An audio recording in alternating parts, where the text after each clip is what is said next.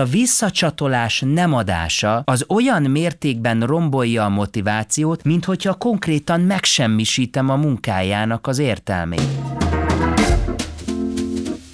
Nekem ez nem megy, úgy sem sikerül. Nem vagyok okos. Gyerek vagyok még. Felnőtt vagyok, nincs rá időm, túl késő.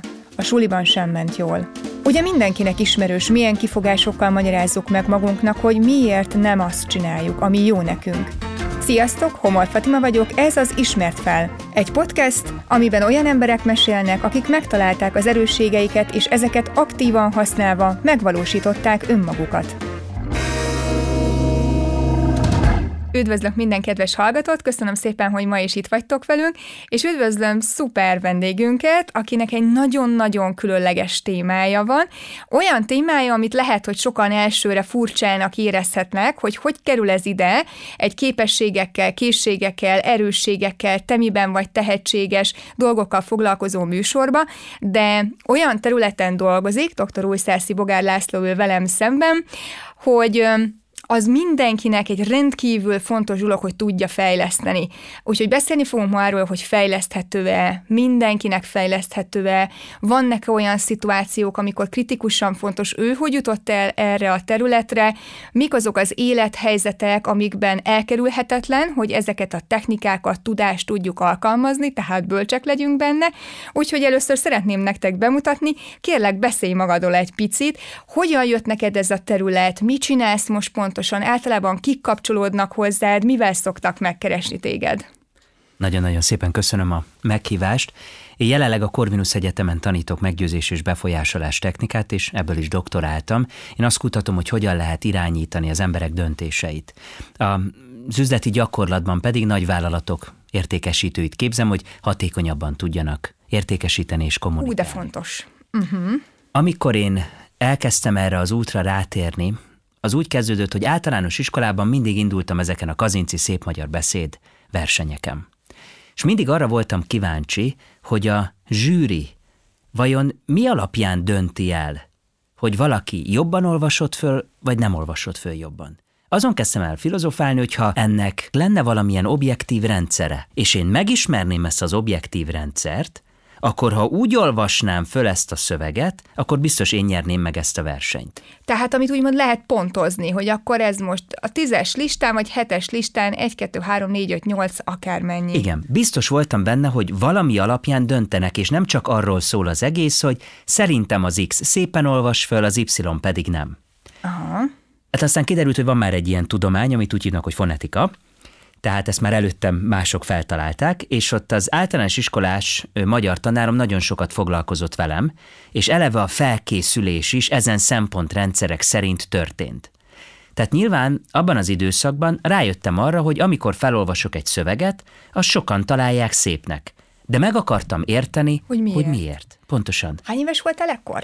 Tizen, hát ilyen tíz és tizennégy között és ez az érdeklődés, ez csak úgy pottyant az égből? Vagy a szüleidnél volt valami példa, valaki másnál láttál példát? Ugye nekem édesanyám matek fizika szakos tanár. Ó, üdv a klubban! De a szavaló versenyekre mindig ő vitt már egyébként óvodás koromtól kezdve. Aztán. És amikor anya is felolvasott este egy mesét nekem, akkor hallottam, hogy jól olvassa föl azt a mesét. És te ezt így pontoztad, hogy akkor ez így oké okay volt, mert anyu ez átjött. Igen, tehát éreztem, hogy ez, úgy, ez úgy jó. Uh-huh. És úgy, mert akkor is nyilván ez nem fogalmazódott meg kilenc éves koromban, hogy hát igen, akkor édesanyám a szupraszegmentális eszközöket, tehát nyilván nem. És nagyon király a fonetikája. Igen, csak, csak azt éreztem, hogy ott valami jó. És észrevettem, hogy ha én felolvasok egy szöveget, az az embereknek tetszik. Tehát, hogyha anya is felolvas egy szöveget, az is tetszik, amit felolvasok, én is tetszek, de mégis másképpen olvasson föl, mint anya. És nézzük már meg azokat a közös pontokat, ami miatt valaki ezt szépnek fogja találni. Hú, ez már hidegrázósan komoly egyébként, ez nagyon szuper. És apukád mit szólt ehhez? Ő könyvelő édesapám. Tehát ő neki abszolút nem ez volt a területe, nem. hogyha jól érzem nem, ebből. Nem, uh-huh. nem, nem. Elméletben ugye édesanyámnak sem, de neki mégis volt egy ilyen képessége, meg ő, ő az adott városban, ahol felnőttem, ott képviselő, tehát a szónoki beszéd is közel állt az ő szívéhez.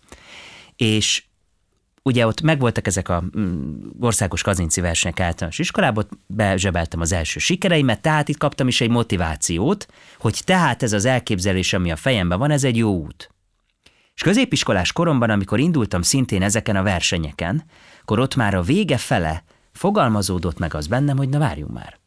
Hát hogyha egy beszéd felolvasásánál is vannak ilyen szempontok, hogy az a másiknak tetszen, hát akkor mi van, hogyha másnál is vannak ilyen szempontok?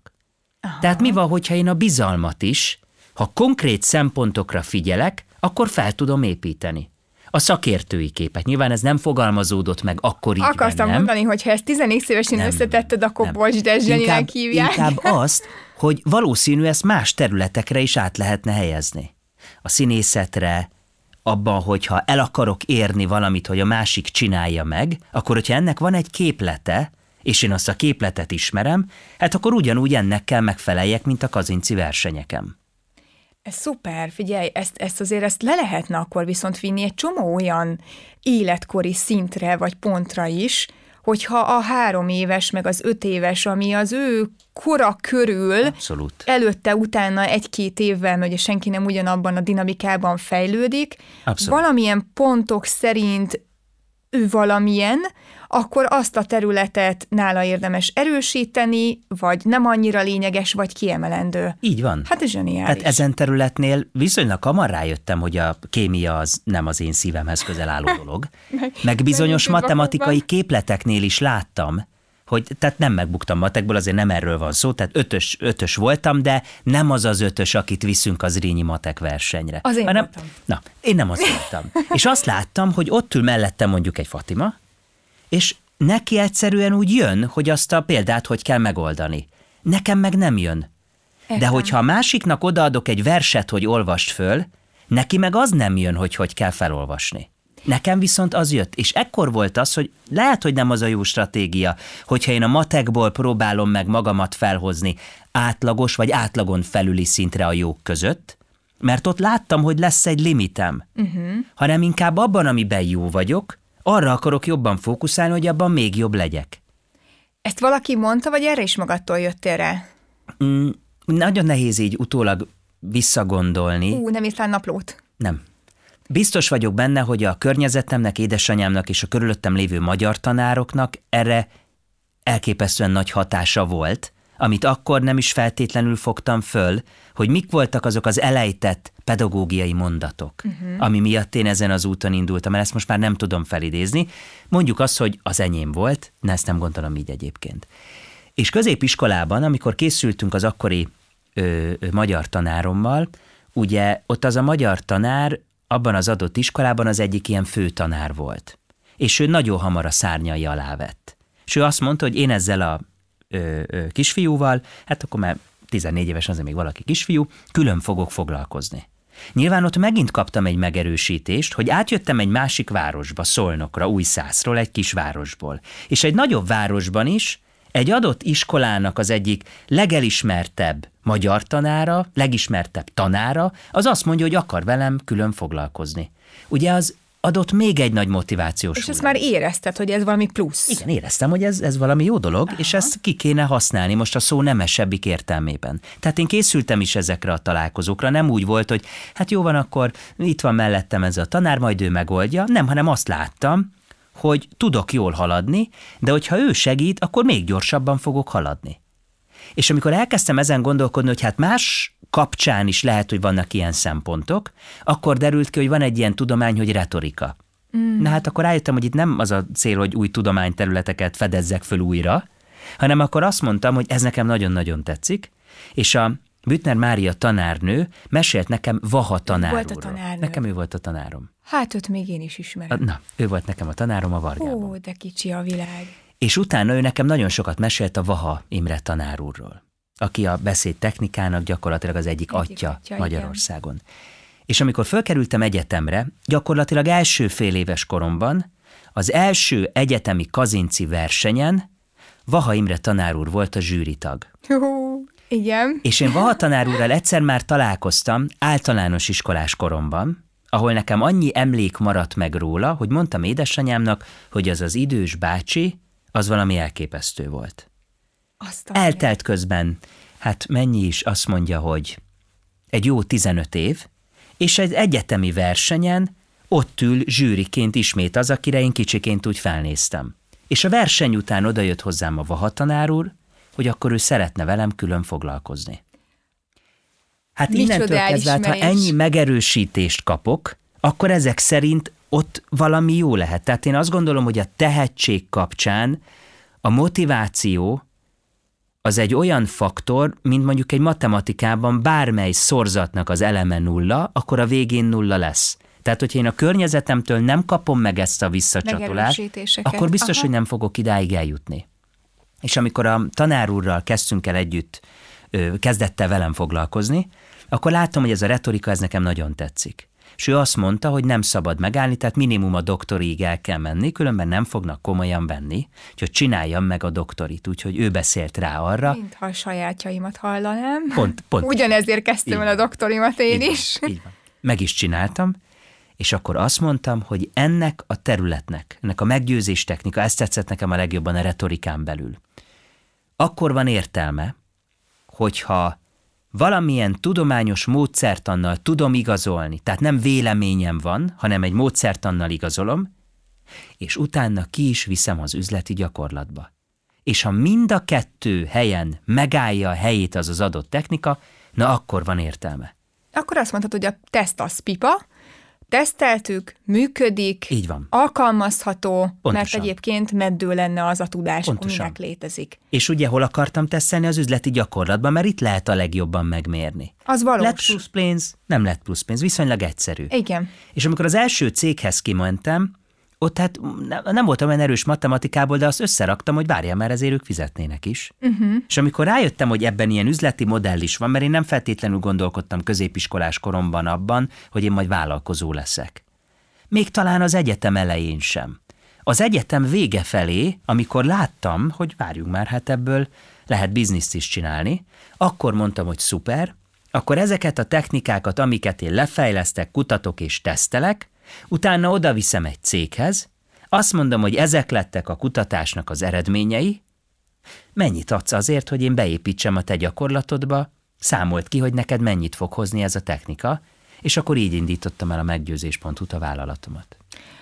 Először is gratulálok hozzá. Másodszor is néhány nagyon fontos pontot összefoglalnék a kedves hallgatóknak. Az egyik az, hogy megerősítéseket kaptál. Na most ebből kifolyólag te, nemrég volt nálam egy másik podcast műsoromban egy hölgy, aki Csárosdi Virágnak hívnak, ő meg gyerekekkel foglalkozik, főként kicsikkel, és, és ha már megerősítés, akkor ő ehhez párhuzamba tudom hozni az általa mondott dicséretet. Ugyanis a legtöbbször, akár a tanárokat, akár a szülőket nézzük, nem jól dicsérnek. Csak azt mondják, hogy ügyes vagy.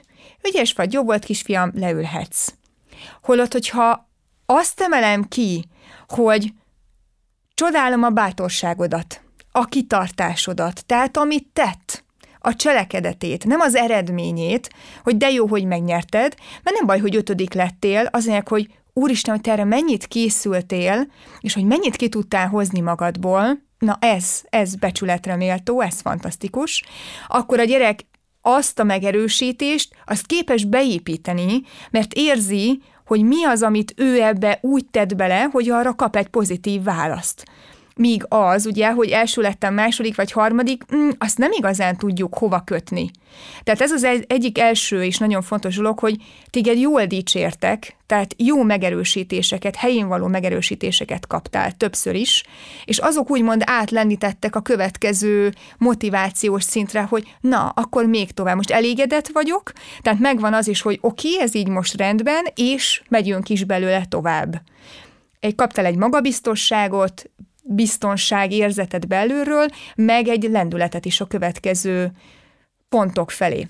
A másik, amit ebből kiemelnék, amit mondtál, hogy olyannyira működött nálad ez az egész folyamat, hogy ráadásul a szakmáddá vált, tehát annyira erős volt a hited már saját magadban, hogy te ebben tényleg nagyon jó vagy, hogy már egy idő után lehet, nem tudom, hogy most így van-e, és akkor ez majd a következő kérdés lesz, hogy most is kell -e még a megerősítés, vagy neked most már az a megerősítés, amikor egyszerűen igent mondanak, hogy igen, kérem, László, én önnel akarok dolgozni.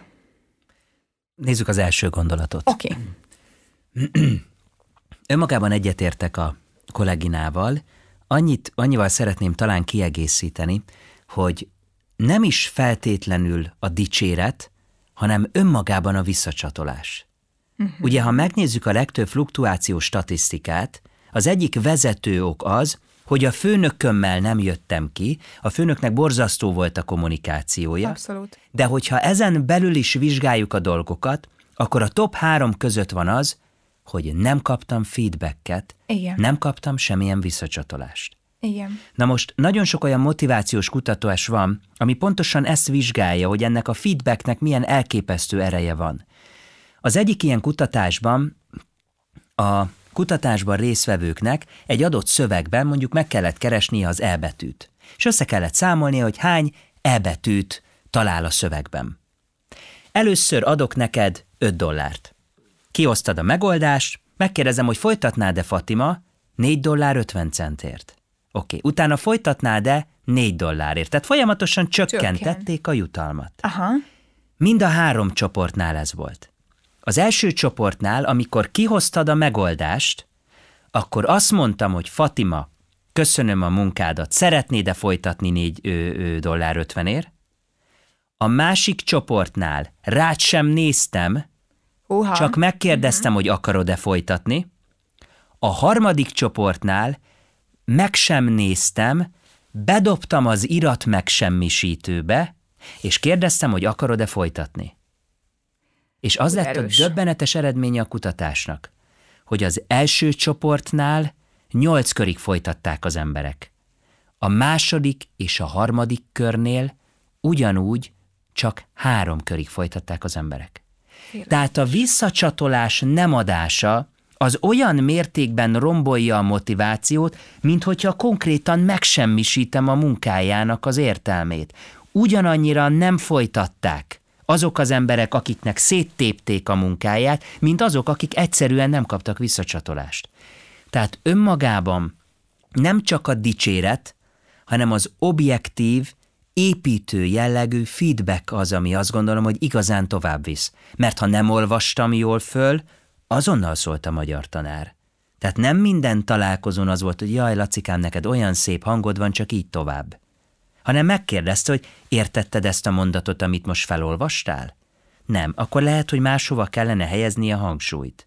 Mit akarhatott mondani ez az író? Ezt, akkor miért nem azon a szón van a hangsúly, Laci? Olvasd újra. A végén már nyilván eljutottunk egy olyan tanár-diák kapcsolatig, hogy ahogy a levegőt vette, tudtam, hogy újra kellett olvasnom, tehát lehetett egy ilyen csendes feedback is, de a lényeg az, hogy nem csak a dicséret, hanem önmagában a visszacsatolás az, ami segített abban, hogy mondjuk egy következő szintre tudjak lépni.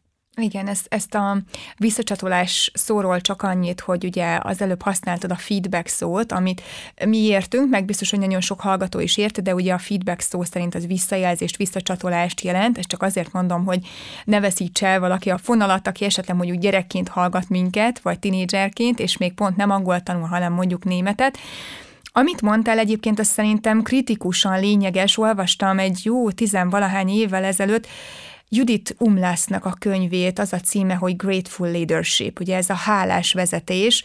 Az egész könyv erről szól, pont arról, amit most mondtál, és számtalan ilyen példa van benne, amit most felvezettél, hogy annyira sokat számít, hogy nem hisszük el, hogy mennyit. És hogyha egy vezető ezt megváltoztatja a cégénél, és nem csak főnökként lép be az ajtón, hanem tényleg vezetőként, ami nem arról szól, hogy én vagyok Nagy Sándor és rohanok elől, úgyhogy menjetek, gyertek utánam, hanem arról, hogy én kezet fogott veled, úgymond vérszövetséget kötök veled, mert együtt vagyunk ebben a fejlesztésben, ebben a buliban, együtt vagyunk abban, hogy egymást támogassuk, te ebben vagy jó, én ebben, és ugye hozzáteszük, hogy a jó vezető magánál jobb, az adott területen jobb embereket talál, és erre jó visszacsatolást ad, ha meg nem, akkor meg sajnos az a baj, hogy pont ahogy mondod, itt vannak óriási fluktuációk. Van egy élő példám erre, amikor meghalt az anyukám, akkor kiköltöztem az Egyesült Arab Emirátusokba. Egyszerűen kellett a levegőváltás és hál' Istennek, hogy ezt tettem. Előtte pénzügyigazgató voltam itthon, azt mondtam, hogy most akkor befejeztük, most megyek külföldre, és ki kell szellőztetnem az agyamat, mert én ezt itt most így itthon nem bírom és 2014 májusában kimentem, és az Emirates Airline-nal repültem, mint stewardess, tehát az óriási pénzügyi karrier után, na, most nem kell, hogy használjam az agyamat. Ez, ez persze nem így volt, de a lényeg a lényeg, hogy Pár hónap után, pont azért, mert azt éreztem, hogy nem kell túlzottan használni az agyamat, belefolytam a helyi HR-be, és felvettem a kapcsolatot az Emirésznek a HR vezetőségével, amit egy brit ember vezetett, tehát nagyon jól elbeszélgettünk angolul mindenről. Ő 85 óta a cég alapítása óta ott volt. Egy idősebb úr ebből kifolyólag, tehát ő már ilyen 65-70 körül volt, nem emlékszem sajnos a nevére, de arra igen, hogy csináltunk egy ilyen kémkedés jellegű felmérést, hogy nem tudták a kollégák, hogy én meg vagyok azzal bízva, hogy nézzük meg, hogy ki meddig tervez maradni, ki miért mond fel, stb. stb. Képzeld el, hogy 2014-ben az Emiratesnél a, a fluktuáció, de ez nem csak ott, hanem a többi légitársaságnál is több mint 40 százalék volt. Az egy éven belül kezdő kollégák 40 százaléka egy éven belül felmondott. És ennek az egyik fő oka, mint ott is kiderült, ugyanaz volt, amit az előbb te elmondtál, a pozitív visszacsatolásnak a hiánya. És akkor most jön a következő kérdésem, amikor téged megkeresnek magánszemélyek, vagy cégek, vagy is is, majd mindjárt elmondod úgy is, hogy ez milyen korosztályt érint általában, tehát Megkeresnek-e szülők azzal, hogy a gyerekeket fejleszt, inkább csak cégek keresnek meg, hogy a sales csapatokat fejleszt, hogy jobb eredményt érhessenek el, a, a Corvinuson belül az alapképzésesek, a mesterképzésesek, a doktorisok járnak-e hozzád, és mik szoktak lenni az alap legnagyobb problémáik, vagy küzdködési pontjaik, amiken át kell, hogy lendüljenek? Ugye engem esetek 99%-ában nagyvállalatoknak az értékesítési vezetői vagy hárigazgatói keresnek meg, aminek az egyik oka az, hogy az egész marketing és értékesítési stratégiám az ő rájuk irányul.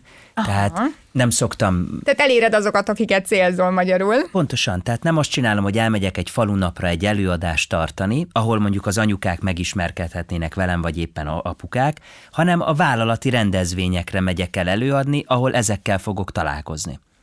Na most ez nem azt jelenti, hogy önmagában egyébként ez a tudomány, ne érdekelne más célközönséget is, csak az, hogy nekem tudatosan a marketing stratégiám az erre a célközönségre irányul. Ezért nyilván az esetek többségében azokról a problémákról fogok tudni beszélni, amivel engem szoktak megkeresni, de ezek a problémák, ezek ugyanazok lesznek a szülő-gyerek, a gyerek-gyerek, vagy éppen a párkapcsolati szituáció. Ezt nagyon köszönöm, hogy hozzátetted. Gyakorlatilag az értékesítők jelentős többségének az a baja, hogy ő kimegy egy ügyfélhez. Ő például nagyon jó szakértője annak az adott témának, de az ügyfél mégsem hallgat rá. És egy idő után, mivel nincs más eszközük, elkezdenek tukmálni. Ah. Amitől lesz egy ilyen nagyon kényelmetlen helyzet, ami igazából az értékesítőnek se jó, csak mivel van rajta egy ö, teljesítménykényszer, egy idő után jön az, hogy akkor valahogy lenyomom a torkán, ha kidobnak az ablakon, bejövök az ajtón, és így tovább. És akkor valamelyik megtör, valamelyik nem tör meg. Gyakorlatilag erről van szó. És ez egyébként a hétköznapi kommunikációban is így van. Nézzük meg a legtöbb vita helyzetet, mit csinálnak az emberek. Nézzük meg a szülőknél. Csináld ezt, miért? Mert én azt mondtam.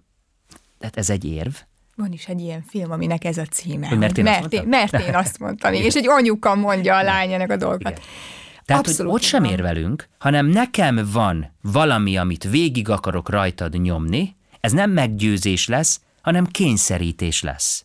Mert ha nem csinálod, akkor szobafogság, klasszikus jutalmazás, büntetés. De ezzel nem győztük meg, most nem azt mondom, hogyha van egy három éves gyerek, aki ki akar szaladni a kamion elé, akkor nekünk arisztotelészi entümémákat kell használni, tehát ne ilyen, ne ilyen szélsőségben gondolkodjunk, hanem önmagában abban, hogy a hétköznapi szituációkban is az emberek felépítenek jobb esetben egy érvelést, de azok az érvek olyanok, amiről azt gondolja, hogy ő szerinte meggyőző, amivel őt meg lehetne győzni.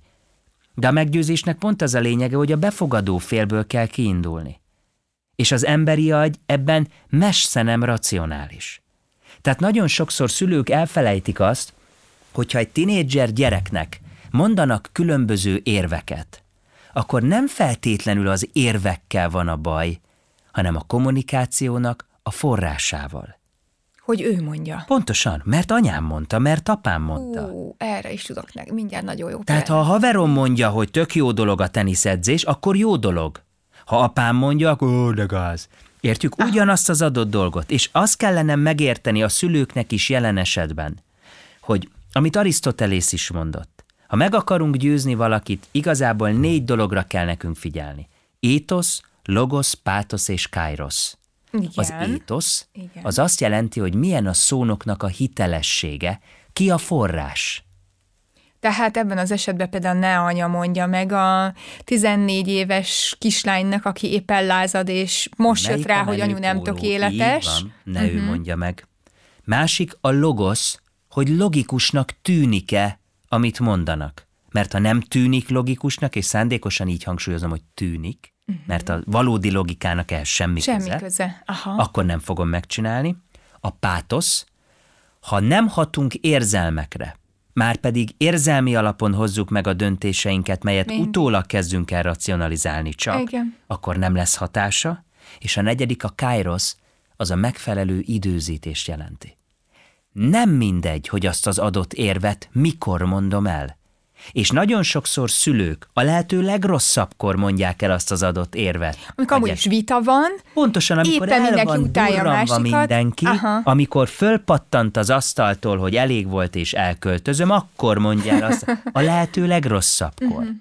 És hogyha valaki erre a négyre figyel, akkor fogja tudni elérni ezt a változást.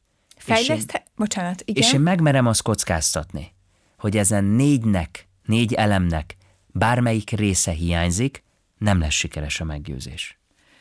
Mondhatnám, hogy most vége a beszélgetésnek, mert itt vagyunk a csúcsponton, és ott kell abba hagyni, de hál' Istennek még van időnk, és itt van mit kifejteni.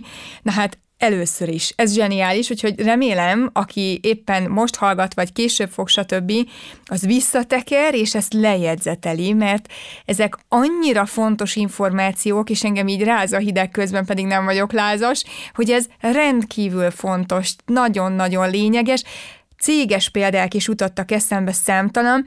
Az egyik tipikus. Ha a főnök mondja, hogy valamit így vagy úgy kell, és éppen egyébként is meg vagyok orrolva a főnökre, mert nem adta meg a bónuszomat, Igaz, hogy jogosan nem adta meg, de nem adta meg, tehát, hogy éppen nem szeretem, és ő még megkér valamire, na tuti, hogy nem. Időzítés, tipikus példa, az egyik ismerősömnél bemegy a nő dolgozni, ismerem a hölgyet is, ismerem a, a, a főnököt is, és a hölgynek éppen menstruációja van. Marha szarul van, tehát körcsöl, egy fáj a feje, egyebek. Na ilyenkor I- ilyenkor nem hozunk föl semmit. De tudom, hogy ebből csinálnak már mémeket, meg poénokat, stb. De tényleg nem. Tehát egy férfi is, hogyha éppen nagyon rosszul van, akkor nem akkor állok neki meggyőzni valamiről, mert teljesen olyan lesz, mint a falra hát bolsó. És amit a, a másik, amit mondtál, ez, ez a logika, és ez nagyon érdekes, amit mondtál, hogy a tényleges logika mögötte nem is igazából fontos, csak az, hogy a másik ezt logikusnak tekinti-e. És nem is az, aki mondja, hogy mondtad, hogy nem a forrás, hanem a fogadó, akihez átér valahogy a kommunikációm, és nekem kell ezt a kommunikációt úgy irányítani, hogy ő nála úgy csapódjon le, hogy vettem az adást, és ez nekem így logikus.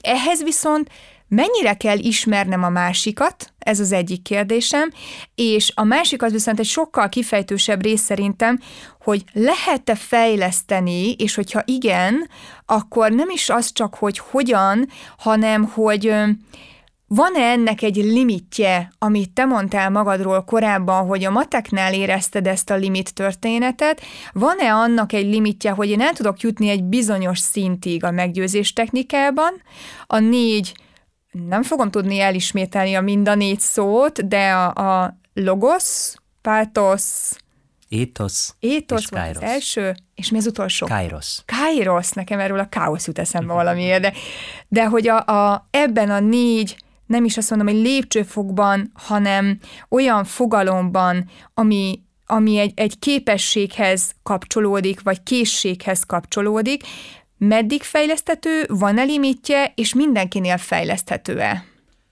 Nézzük az elsőt. Oké. Okay.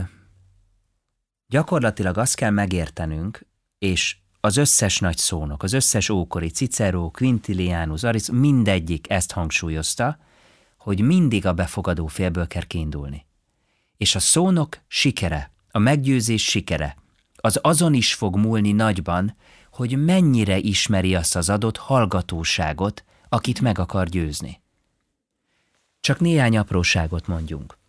Hogyha én nem hiteles szakértőként lépek föl, tehát úgy állok le veled egy beszélgetésbe, hogy te semmit nem tudsz rólam, akkor ha én rögtön olyan dolgot fogok mondani, ami nagyon távol áll a te meglévő gondolatottól, azaz túl távolról indítok, nem foglak tudni meggyőzni. Úgymond nem érsz el hozzám. Pontosan, mert Aha. túl nagy lesz a távolság.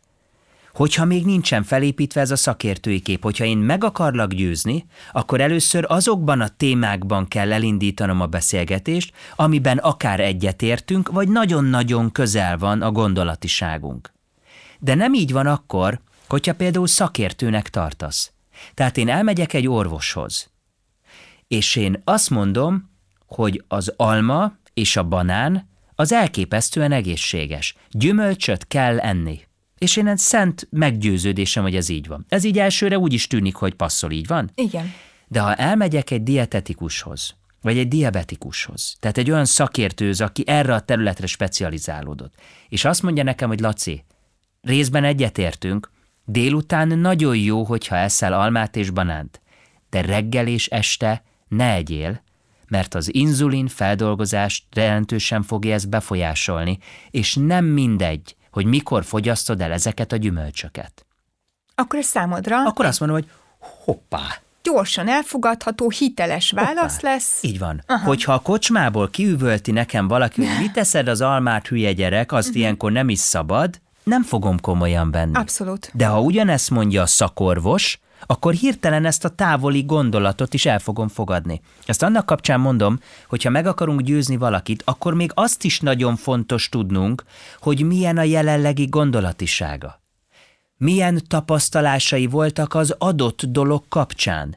Mert hogyha én például el akarok adni valakinek egy Apple laptopot, és ő neki az Apple laptop kapcsán korábban volt negatív tapasztalata, és én rögtön úgy intítok, hogy hm, Fatima, mit szólnál, hogyha bemutatnám neked a legújabb Apple laptop, ő nem kell, nem kell, és utána esélyem sincs őt meggyőzni, mert kimondtam egy úgynevezett negatív horgony szót, lezárt az agya, és elveszítettem őt. De hogyha én előttem mielőtt elkezdenék dumálni, érvelni. Megkérdezném, hogy Fatima, uh-huh. korábban volt-e laptopod? Volt bizony, milyen laptopod volt Apple, és milyen volt a tapasz, semmivel sem volt kompatibilis, stb. stb. Aha. stb. Akkor már látom, hogy hogy kell megközelítenem azt a témát, hogy át tudjam vinni az üzenetedet.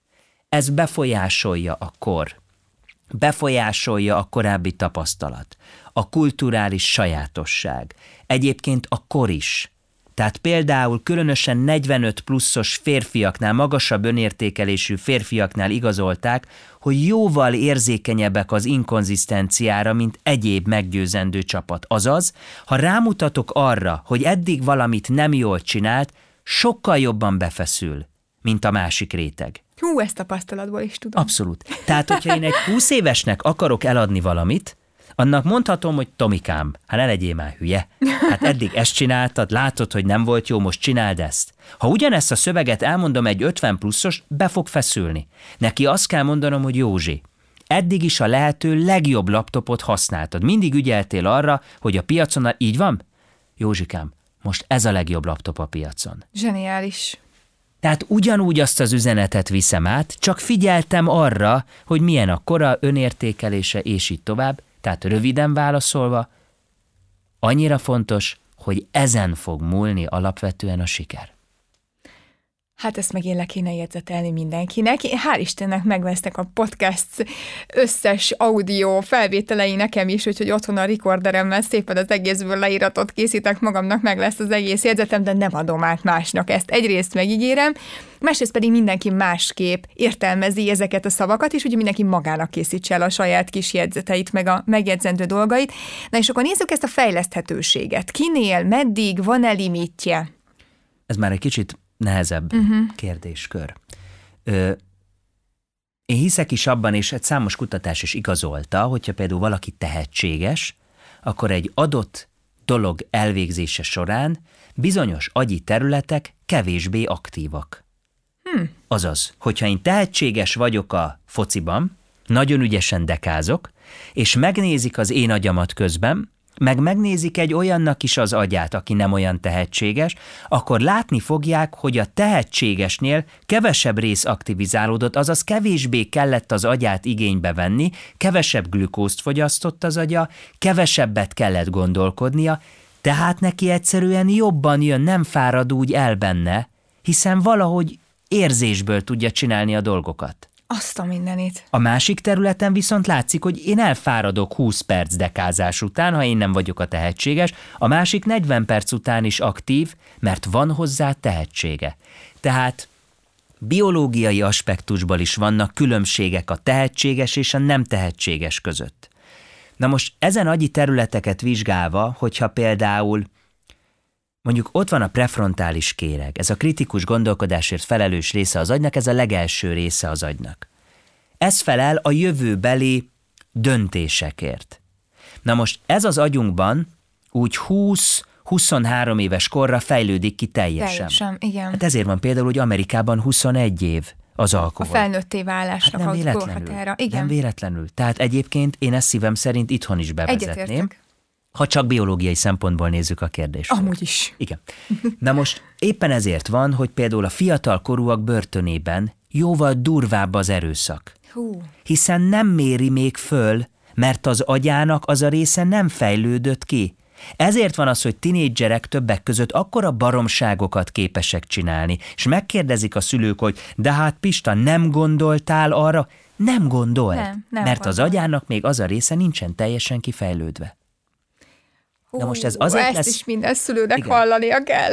Ezért ilyen jövőbeli megbánásra fölösleges, ér, fölösleges érvelni a fiataloknál. A jövőbeli megbánásra történő fókuszálás egy nagyon jó befolyásolási technika. Amikor azt mondom, hogy Fatima, nem szeretném, hogy később megbánd azt, hogy most nem indítottad el a nyugdíj megtakarítást. Nem akarom, hogy 15 év múlva haragudj majd rám, hogy én miért nem voltam egy kicsit erőszakosabb.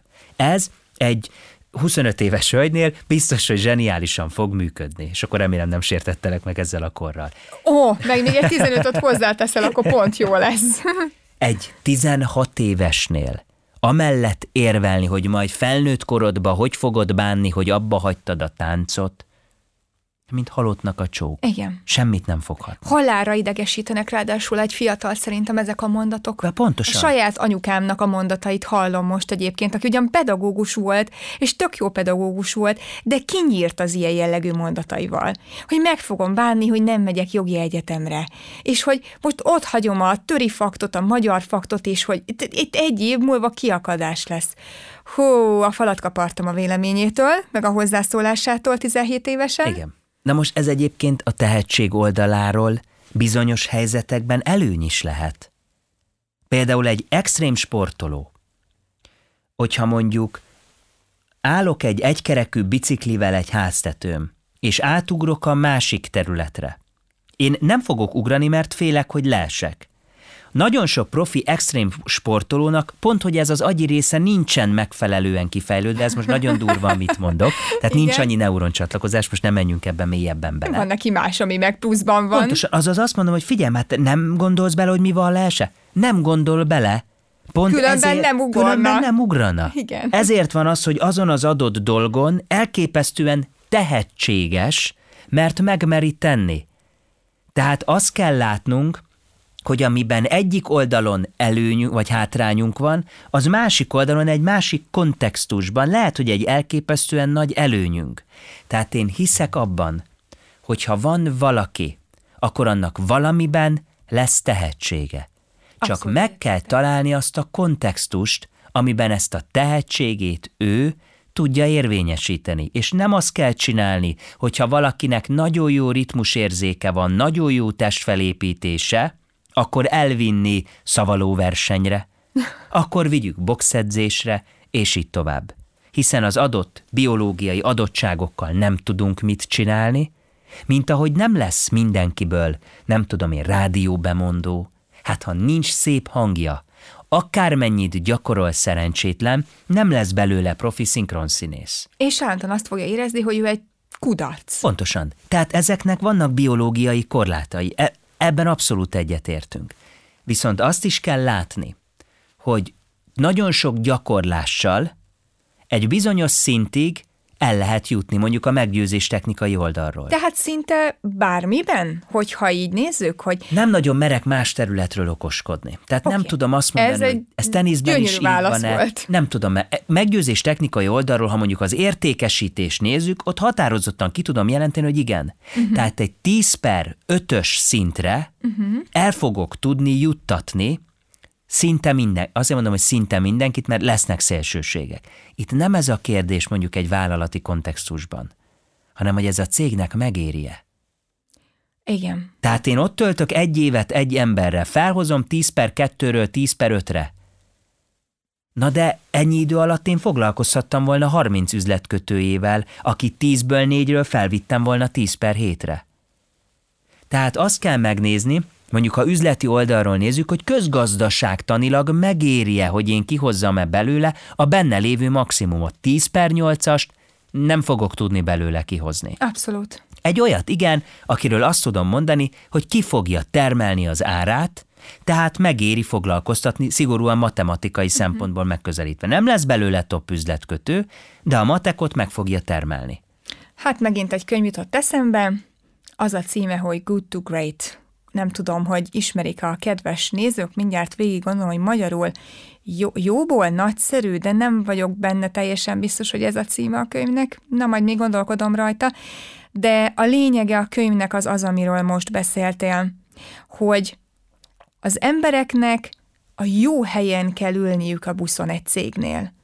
Tehát egyrészt a megfelelő embereknek kell ülniük a buszon, és nekik a megfelelő helyeken kell ülniük.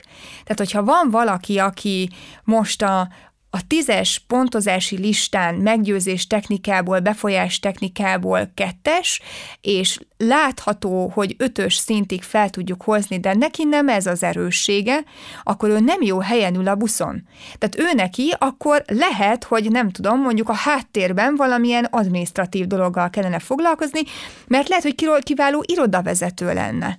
Nekünk például egy jó nyolc évig, ahol Gyakornokként kezdtem, pénzügyi igazgatóként jöttem el, úristen, de régen volt 2006. januárjától, tehát amikor még tényleg fiatal voltam, nagyon. Volt egy irodavezetőnk, aki egyszerűen zseniálisan terelgetett mi- minket. Körülbelül 60-an tartoztunk ahhoz az irodához egy adott pillanatban, és mindig tudta, hogy kinél mi van, ki mivel úgymond tartozik az iroda felé, most nem pénzről beszélek, hanem dokumentumokról, stb., és mindig tudta jelezni, hogy figyelj, holnap ez a határidő van, időben szólt mindenkinek, olyan szervezet volt, hogy én sose leszek ilyen. Nagyon-nagyon jó szervező vagyok, de én az iroda vezetéstől hidegrázást kapok a sok adminisztráció miatt. Ő neki ez a vérében volt. Viszont, hogyha bejött egy ügyfél, és arról kellett volna neki beszélni, hogy kedves ügyfél, az ön, nem tudom, befektetési portfóliója nem jól van felépítve, és emiatt ezt nézzük át, vagy eb- eddig kihozta belőle a maximumot, de most a maximumot máshol fogjuk tudni elérni, ő lefagyott volna ott helyben is az adott pillanatban.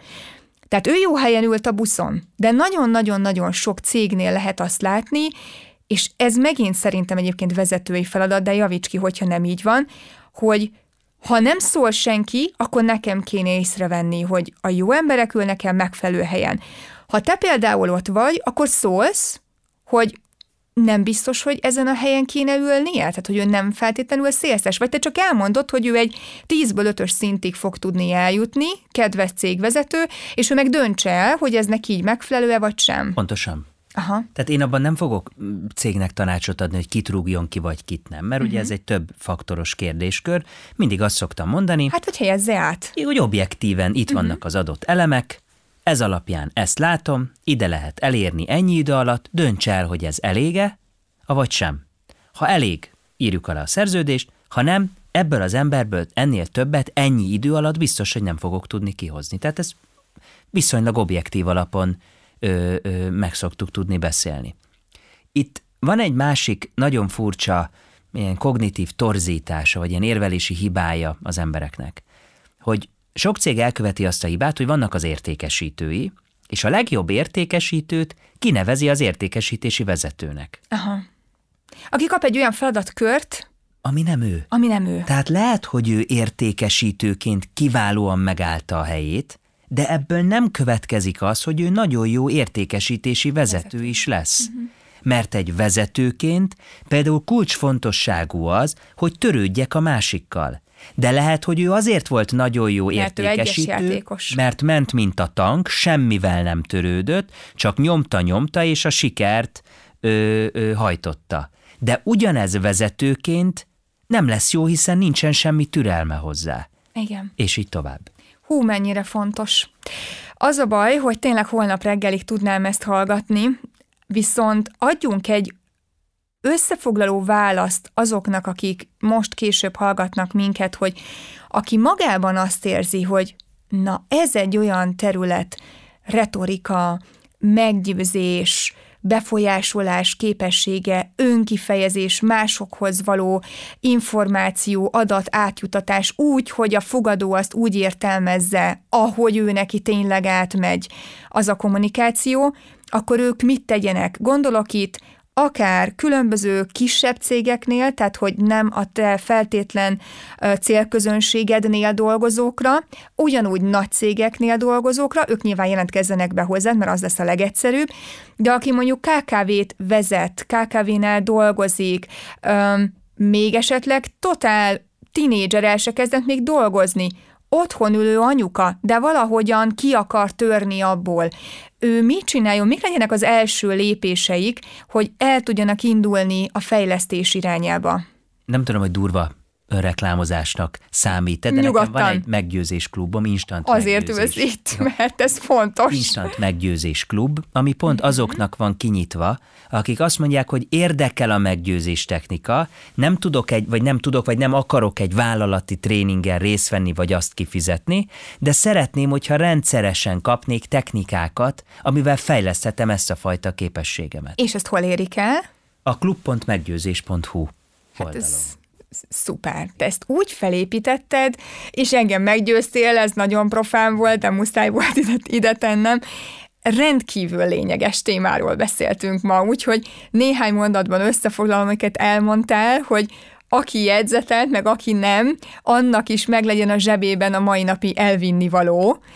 Egyrészt mindenkinek fejleszthetők ezek a képességei, hogy ő minél könnyebben tudja magát kifejezni egy bizonyos szintig, és nem baj, hogyha neki az a limitje ezen a területen, mert akkor majd meg kell keresni, hogy neki más területeken hol van egy magasabb szintű limitje, ahol ő 10-ből 10-es, vagy 10-ből 9-es. És igenis, ő annak a területnek lesz a, az újszászi Bogár Lászlója, és akkor azt mondhatjuk, hogy na, ő azt kivételesen jól tudja csinálni. Ez az egyik. A másik, hogyha valaki ebben szeretne fejlődni, akkor most kaptunk egy felületet hozzá, úgyhogy ezt köszönjük szépen. Mindenki, ha úgy gondolja, keresse fel a felületet, én biztos, hogy fel fogom keresni a felületet, mert bár nem dolgozom nagy cégnél, hanem a sajátjaimat viszem, de plusz információból mindig lehet tanulni. A harmadik, ami még a beszélgetésünk elején fontos volt, ugye ezek a visszacsatolások, a pozitív visszacsatolások, amikből a másik építkezni tud. Ezt mind vezetőknek kritikusan fontos, hogy a munkatársaik, kollégáik felé tudják alkalmazni, szülőknek a gyerekek felé, kapcsolaton belül pároknak egymásnak, tehát én receptre írnám föl egyébként azt, hogy kommunikációs fejlődés kell, és legvégül pedig egy olyan összefoglalást tennék ide, amit én majdnem minden előadásomban elmondok, ahol ide kapcsolódó téma van, az pedig a 3F3K szabály, hogy a három F okozza az emberi konfliktusoknak a száz százalékát, és ez a felgyülemlés, a feltételezés és a félreértés. És a három K a megoldás, a kommunikáció, kommunikáció, kommunikáció, amit fejleszteni kell. És Magyarországon én azt gondolom, nagyon sok országban éltem, nem csak az Egyesült Arab Emirátusokban, máshol is, Magyarországon egy picit úgy átlagosan is el vagyunk maradva egyébként a kommunikáció fejlesztésében, ha meghalljuk, hogy valaki kommunikációs kés, kurzusra jár, vagy készségfejlesztésre jár, akkor azt mondja, jaj, minek, hát az ilyen, az a habiszti terület, pedig anélkül igazából szinte semmi nem megy.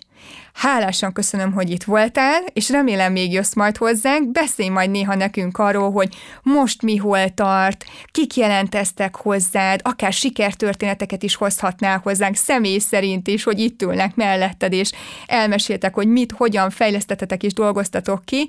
Nagyon köszönöm még egyszer, és sok sikert a továbbiakban is. Én abban hiszek, hogy mindenki jó valamiben, függetlenül attól, hogy egy kicsi faluban vagy a pörgős Budapesten született. Ez a műsor azért készült, hogy tudd, mit kezd magaddal és hová fordulj, ha keresed az utad. Hallgass minket és legyünk egyre többen elégedettek az életünkkel. Iratkozz fel a csatornára, hogy hetente kapj újabb motivációt, ötleteket akkor is, ha Sárszent Mihályon vagy tanár, és akkor is, ha Budapesten bankár, vagy ha még iskolába jársz. Azért tanulunk nyelveket, mert a nyelv az egyetlen, amit rosszul is érdemes tudni. Az epizódot a Magyarország több nyelven beszél és a Brainbridge mesterséges intelligencia támogatta.